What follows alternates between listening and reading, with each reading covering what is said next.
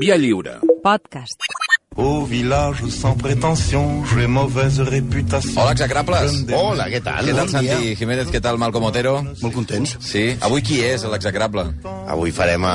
Per cert, una cosa, abans de que m'ho expliqueu. Ah, M'han dit, Si susto m'he anat. perquè m'has portat, m'heu portat aquí un parell de llibres, sí. i m'heu dit una cosa que és una gran notícia. Eh, sabeu que eh, hi han dos edicions de, en català del, dels il·lustres execrables, eh, il·lustres, ex, eh, sí, il·lustres execrables sí. al llibre, diguem-ne, i més No il·lustres execrables. el- el musical. és el que falta, només. I hi ha l'edició que veu treure fa unes setmanes en castellà, que és el Club de los Execrables. Heu reeditat ja? Sí, Espanya, Però què- què Espanya què us- ens què vol. està passant amb Espanya? Espanya ens vol. Home, que- què està passant amb Espanya és un gran, una gran pregunta, eh? Però per què compren aquest llibre a Espanya? Pues no que sé. hem, hem fet bolos, hem parat a tota la ràdio i ja no queda ni la ràdio més petita Vam anar a un programa de, de Bimat d'influencers, eh? De Telecinco, Ah, sí? Sí, sí, sí. sí, que sí, per sí. parlar de sexe deien aquí hi tema que quema.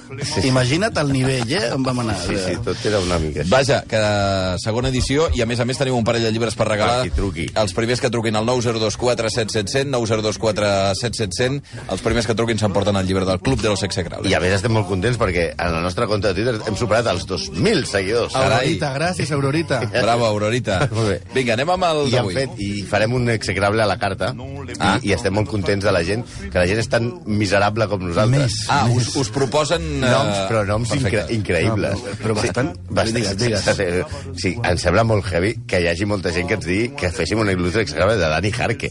S'ha de ser molt mala persona. dius? No ho farem, no no, no, farem. Només faltaria. Ja diem jo. Només faltaria, dimiteixo jo abans. I Montserrat Cavaller Però, està a la sí, pole. però hi ha gent que us diu coses. Sí, la sí, gent sí, està sí, fatal, sí. no, realment? Mm, Però hem, hem creat un monstre, diversos monstres. Bé, en fi, el d'avui. Com el monstre que estem aquí creant, perquè això, tot això comercialment ens va molt bé, però com a parella, el Malcolm i jo estem fatal. Sí, aquí pinipon. Aquí se'ns en va. Això ja som. Acabarem com Simon i Garfunkel, com Luso Nicodeso, com Sandro i Laporta, com Pajares i Esteso. Per què? Per què, us preguntareu? Per culpa del Barça. Ja hi som. El Malcolm, Sí. a l'altre, el bo. El- Ara resulta que juga bé. Però el bo qui és? El, El- futbolista. el que juga bé. El, que, el futbolista. Però aquest no meu, em veu dir que no jugava bé. Ara juga bé. Ara juga bé. un I ara resulta que la parella, el famós és ell. I, I que jo moltes vegades, a mi em pregunten allò a una tertúlia esportiva, i què penses del Malcolm? I jo dic, hòstia, pues que penso del Malcolm? I dic, hòstia, no, que l'altre. L'altre. I, aquest, I aquest babau, que ho sent per la ràdio, es despista. No, jo cada cop que sento el Santi parlar amb Malcolm dic, hòstia, arribo tard, arribo tard a la ràdio. Clar, bueno, però anem al, anem al, al tema de l'execrable d'avui. Us presentarem un home que és com el xanquete del cinema universal, o sigui, la bonomia, la bona persona. Pels de l'ESO, que no sabeu qui és el xanquete, tot i que a Verano Azul l'han reposat unes 65.000 vegades, és el pescador aquell que té una barca posada en un hort. Un home que tocava adolescents i que estaria avui detingut. Però bueno, és una altra cosa. Eh, avui parlarem d'un actor que va encarnar només amb la seva presència totes les virtuts de l'americà com cal. Bon pare, bon marit, bon tipus, honrat, amb una cara que només veure-li li compraries un cotxe de segona mà. El veí que sempre està a punt per deixar-te, jo què sé, que t'ha perdut. La clava anglesa, tio, la clava anglesa, que, que et diu el tallagespa, el tallagespa. Una UCI que venen els Latin Kings a trepitjar-me. Un, un, o un, un AK-49, Una no? K-49, també el tinc, un bazooka, el que sigui, la, la, la, la torradora, però increïble, o sigui, la millor persona que puguis tenir. Però una cosa, ojo, és el que passa a la pantalla, i una altra, la realitat. El nostre americà model d'anunci era un mal pare, agressiu, violent, assetjador i maltractador. Un trepa i un mal company amb una mala llet acollonant. Un tros d'actor, això no li treu ningú, eh? De fet, el sisè més gran de la història, segons l'American Film Institute. Amb tots vostès, l'execrable Henry James Fonda, conegut com a Henry Fonda.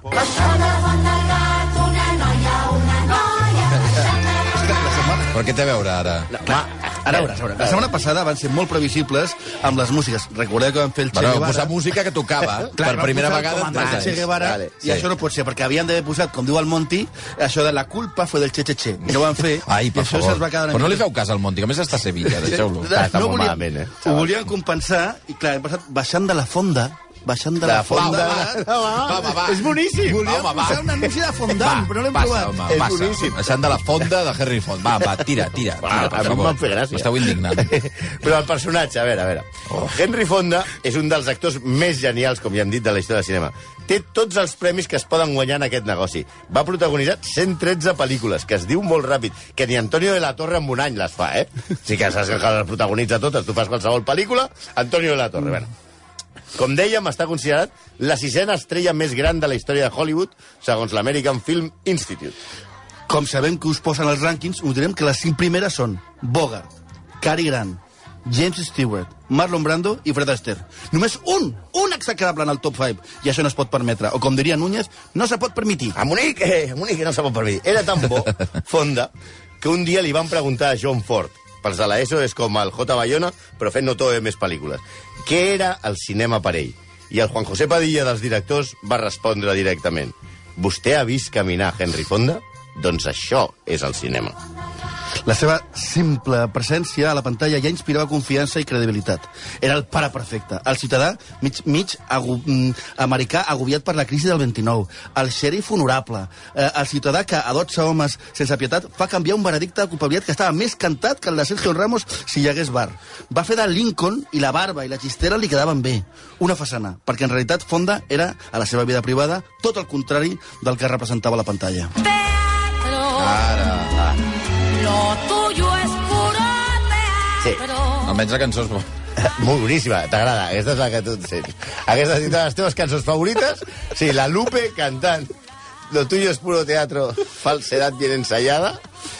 Molt bé. Fue tu mejor actuación. Vale. D'entrada, l'home que va interpretar el típic in ir immigrant irlandès agobiat a les pel·lícules com el raïm de la ira era italià. Oh. Sí, no era... Sí, per tant, estafa. Per tant, Henry Fonda, com es diria en italià? En- Enrico Albergo. Enrico Albergo. Vinga, prou, va. Mai i mai va tenir pensat Sí, noi. dedicar-se a actuar.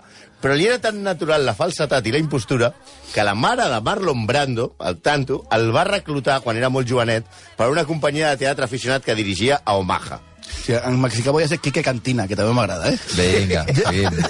Ja Noi. vist en moltes ocasions que els eh, execrables, com els extremenys, es toquen. Però mai, mai, com en Els aquesta extremenys o els extrems?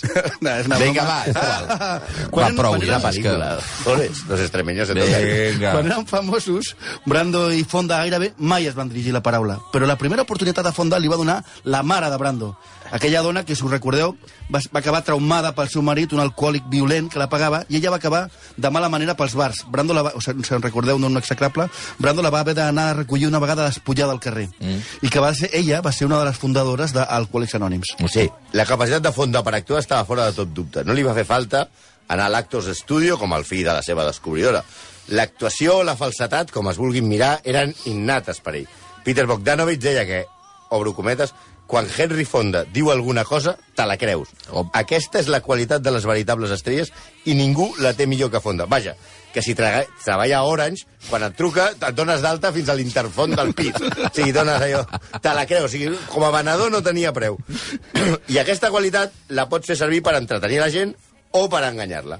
Henry la va fer servir en els dos sentits. Ah, sí. Per entretenir, perquè de seguida es va fer l'actor favorit del públic que s'identificava amb ell. Era una persona normal i corrent. És una mica com Imanol Arias, a Cuéntame, Va, però amb més home, una expressió. va, va. Però, També- però canviant la cara. Que es noti quan està enfadat i quan no ho està. Merche. També era el favorit dels directors. Al món de Hollywood era conegut com One Take Fonda, és a dir, que només amb una presa de càmera aconseguia fer el que el director li manava i no feien falta repeticions. Més, més o menys com nosaltres amb el mescal, que som One Take execrable. No fa falta repetir-ho. Però ara anem a l'altra cara, que és la que ens mola i la que ens ha portat fins aquí. Com aquesta capacitat de manipulació innata afectava les seves relacions personals i feia que tot el que representava la pantalla i a tot el país fos tot el contrari del que ell era a casa seva. Ell mateix ho reconeixia, diu ell a les seves memòries. Vaig ser condemnadament afortunat pel fet de convertir-me en actor. Actuar per mi és posar-me una màscara. La pitjor tortura que em pot passar és no tenir una màscara darrere de la, pugui- de la que em pugui ocultar. Ja podem intuir que un cop apagades les llums dels focus, les coses a casa no anaven com a les pel·lícules. I aquest és un secret que ha sortit a la llum molts anys després gràcies en part al testimoni dels seus fills, Peter i Jane Fonda, que a les seves memòries han posat a papà a caure d'un burro. Escoltem a la seva filla Jane. He was the face of the America that people wanted to believe in. Ell era la cara d'Amèrica en què la gent volia creure. Jo era la filla de Henry Fonda, el que evidentment volia dir que jo era amable, agradable... Era com una noia normal i corrent. Totes les coses que no sentia que era. No m'agradava el meu cos, no m'agradava a mi mateixa, no podia més. Semblàvem el somni americà. Rics, guapos, propers, però la majoria de coses eren només un mite. Sí, aquí explica Jane Fonda com era de dur ser la filla de l'home perfecte d'Amèrica. El pare que totes les nenes volien tenir, però que en realitat tot era mentida. Una mentida que va acabar amb unes conseqüències tràgiques. Tan tràgiques fins al punt que Francis, la seva mare, va patir les pallisses que Henry li donava fins que va acabar en un psiquiàtric i es va acabar suïcidant tallant-se el coll amb una fulla de paitar, calla, calla. mentre Henry Fonda Calla, ficava calla. els seus fills en un internat per poder viure la seva vida amb les seves múltiples amants. El seu fill Peter també confirma la versió de Jane. Era més difícil per la gent, però també ho era per mi, la veritat. No es tracta de si era o no una persona afectuosa. El que passa és que no tenia cap personatge amb un guió que digués Henry Fonda. Així Fonda deia, t'estimo fill, i havies de fer amb allò, perquè sense guió no tenia res a fer. Necessitava una màscara per poder expressar-se. Sí, és a dir, que si el guió no posava la frase t'estimo fill, ell era incapaç de dir-li als, seus- als seus. Tot i que va tenir la Quina barra... tristor m'esteu portant, eh? A més, amb la música aquesta, estic ensorrat, eh, fa estona. Ara canviarem, home. Ara de música. Bueno, no, feu el que vulgueu. Però... No, i, i, Tot el que sigui per tu, home. Tot. ell, que no podia dir, no podia dir t'estimo si no estava al guió, eh, va tenir la barra de dedicar-li als seus fills a l'any 56 el premi Pare Americà de l'any. Vinga. Si veieu la cara que posa quan recull el premi, us el creieu Perquè el segur, tio eh? és, és que era molt bo amb la Sí, cara. sí, especialment quan, perquè parlem d'un home que s'ha quedat vidu al càrrec de dos nens, dos nens el que, els que maltractava Per sistemàticament. exemple, Jane Fonda explica que a l'internat on la fica el seu pare per treure-se-la de sobre i s'oblida d'ella i no la va veure, eh, mentre ell viu a casa amb les seves amants, eh, que, que realment són les que van portar a la seva dona també al, al psiquiàtric i al, i al suïcidi, eh, en seguiran moltes més amants. Eh? Ella, en el- l'internat on està Jane Fonda, és violada i que en diverses ocasions Jane Fonda va intentar suïcidar-se per cridar l'atenció del seu pare, que només la veia per Nadal i passava d'ella totalment. Ella mai va voler dedicar-se a ser actriu, fins que un dia, quan estava passant uns dies a casa del seu pare, la nova esposa del seu pare, quan ella tenia 20 anys, li va agafar i una nit la va dir Jane, vine cap aquí. I en plan madrastre del conte, li va dir demà fots al camp d'aquesta casa perquè ni el teu pare ni jo volem que estiguis aquí. Ella, feta caldo, òbviament, marxa a la casa del costat, on viu un amic del seu pare. Això no ho proveu a casa, eh? Que només passa als barris rics. Sí, és allò, no, no, és que me'n vaig a casa i me'n vaig a la casa, a la mansió del costat. Clar, cuidao, eh? Qui viu al costat? Al costat viu, viu Lee Strasberg, que era el mític professor d'interpretació que li obre el camí a ser la llegenda del cinema compromès a la que va convertir renegant gairebé fins al final de la seva relació amb el seu pare. Jane explica que quan coincidia amb el seu pare, la seva frase més carinyosa era estàs fet una foca. Carai, Cosa que, la, que era Cosa que, a més a més, era mentida, perquè Jane Fonda està molt bona. Sí, no estava fet una foca. Cosa que la va portar a caure en desordres alimenticis, alternant bulímia amb anorèxia, en grans dosis de cocaïna i speed, Quin- quin que no tros- solo de pan vive el hombre. Quin tros de malpaït. Mira, ja, Ara, ara. ja. Entrem. Pantera. Això també que hem dit que el, que el pare li deia a, Sí. a la Jane que estava molt grassa, que Sí. sempre li deia Sí. i la, la maltractava psicològicament, no vol dir, no vol dir que si tu li dius a algun col·lega teu que està gordo, caigui a les drogues. Vull dir, simplement li pots dir, hòstia, tu t'estàs cuidant, i no vol dir que el tio es faci No, drogadicte. però hi ha la, la continuació permanent la- exacte, de l'atac. El, Eh? el, el maltractament psicològic. Mm. A partir d'aquell moment, Has, comença... has intentat cantar Shaft? Shaft. Val. El Una concurs de Freddie Mercury és demà, eh, si vols participar. Hi ha una guerra descarada entre el pare i el fill i la filla per veure qui és més guai. Perquè Henry Fonda és l'heroi americà i, a més a més, un dels actors que passa va ser actor d'esquerres. Un actor de, dels que no va... sobre. Dels que el senador McCarthy, amb el Comitè d'Activitats Antiamericanes, va intentar represaliar. I ell sempre va sortir en defensa de gent com Humphrey Bogart o Catherine Hepburn. Fins i tot, a Espanya, a l'Espanya de l'oposició a Franco, era un heroi per molta gent pel seu discurs a una pel·lícula, a l'escena final de la pel·lícula que es diu Bloqueo. És una pel·lícula de 1938 que fa amb Madeleine Carroll, ambientada a la Guerra Civil Espanyola, on ella, a l'última escena, fa una arenga als lluitadors a favor de la República. Als Estats Units, a la sortida de, dels cinemes on es projectava aquesta pel·lícula, es recaptaven fons per favor de la causa republicana. Sí, pels de l'ESO. Al 1938 ah, hi havia cinema, existia el cinema. I pels de l'ESO més petits, un cinema és com una habitació gran, amb una pantalla, com el teu mòbil, però toe gran.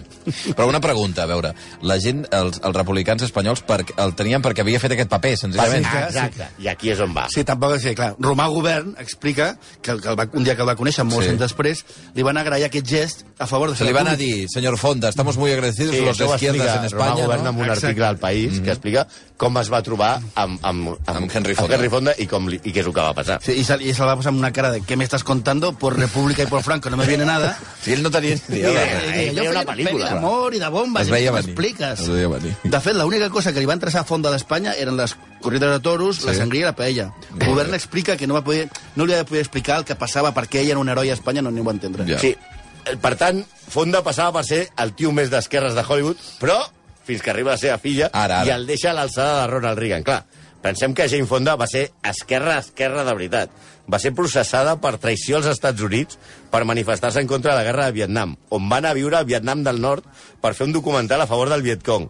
Es va afiliar als Panteres Negres, on ella, a més a més, eh, agafava a, a la gent dels Panteres Negres i es portava a viure a casa del seu pare, que li va dir, no ets tan d'esquerres? Doncs pues aquí t'he portat a tres amics. I li entraven tres tios en plan shaft, amb abrics de pell i pistoles, i deien, aquí es quedaran una estoneta. I el seu pare no sabia què fer. Després, quan s'allotjava... Eh, després eh, va fer les pel·lícules més polítiques d'esquerra, s'entén, de la història del cinema americà, com Clute, Llega un jinete libre i salvaje, El síndrome de Xina i Oi que no maten els cavalls. Vull dir, fins i tot Jane no va parar fins que es va carregar, fins que es va casar amb Ted Turner després, eh? però fins aquí no es va carregar la imatge d'esquerres del seu pare. Si aquest pic amb el seu pare potser, i és només una suposició, va augmentar quan ella, ja sent gran, es va assabentar que la seva mare s'havia suïcidat i que no va morir d'un infart, tal com el seu pare li havia explicat quan ja tenia 12 anys. Explica Fonda que sempre havia cregut que la mort de la seva mare havia estat natural, d'un infart, com diem, fins que un dia eh, en un set de rodatge, llegint una revista, això és com Felipe González, me entero por la premsa, eh? va veure la història del suïcidi de la seva mare. Ai, Dios. Va jurar que mai li perdonaria el seu pare, però al final de la història havia de ser digne de Hollywood. Atenció. Ai. Però que traigueu el sucre. Cursi, cursi, cursi. Gallina de piel, eh? Sèrio? estar en cas... És la Però que música... aca- que, és la acaba, música... que acaba bé, això. Acaba més o menys bé. Però què m'estàs dient? Sí, és la Però música- aquest senyor no se, se li pot acabar bé. Pues perquè la Jane Fonda és molt bona, tia. I van fer la pel·lícula aquesta de la música escarosa que estem sentint, que es diu En el estanque el, dorado. el pianito, mira, mira, puja el pianito. Per estrany que sembli, aquesta història té un final feliç. I és que després de dècades sense parlar-se entre pare i filla, quan Jane veu que el seu pare està molt malalt i a punt de morir, compra els drets d'una obra de Broadway d'Ernst Thompson amb més sucre que un dulce de leche o que un honorable del Genís Cinca. Sí, agafa El i Lorenzo. compra els drets per portar al cinema aquest bodrio que es diu En el estanque dorado, per actuar per primera i última vegada amb el seu pare.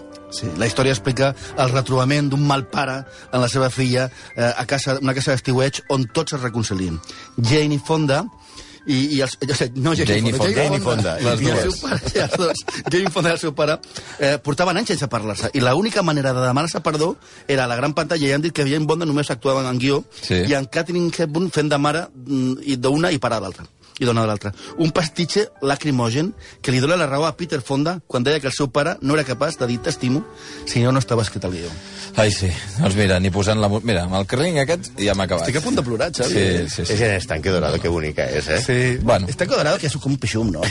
Ah, mira, doncs És ja la- està. en la lluvia, doncs. 11 i 5... Prou! 11 i 5 minuts fora de l'estudi. Adéu-siau. Va, vegada, va. sauf les aveugles, bien entendu.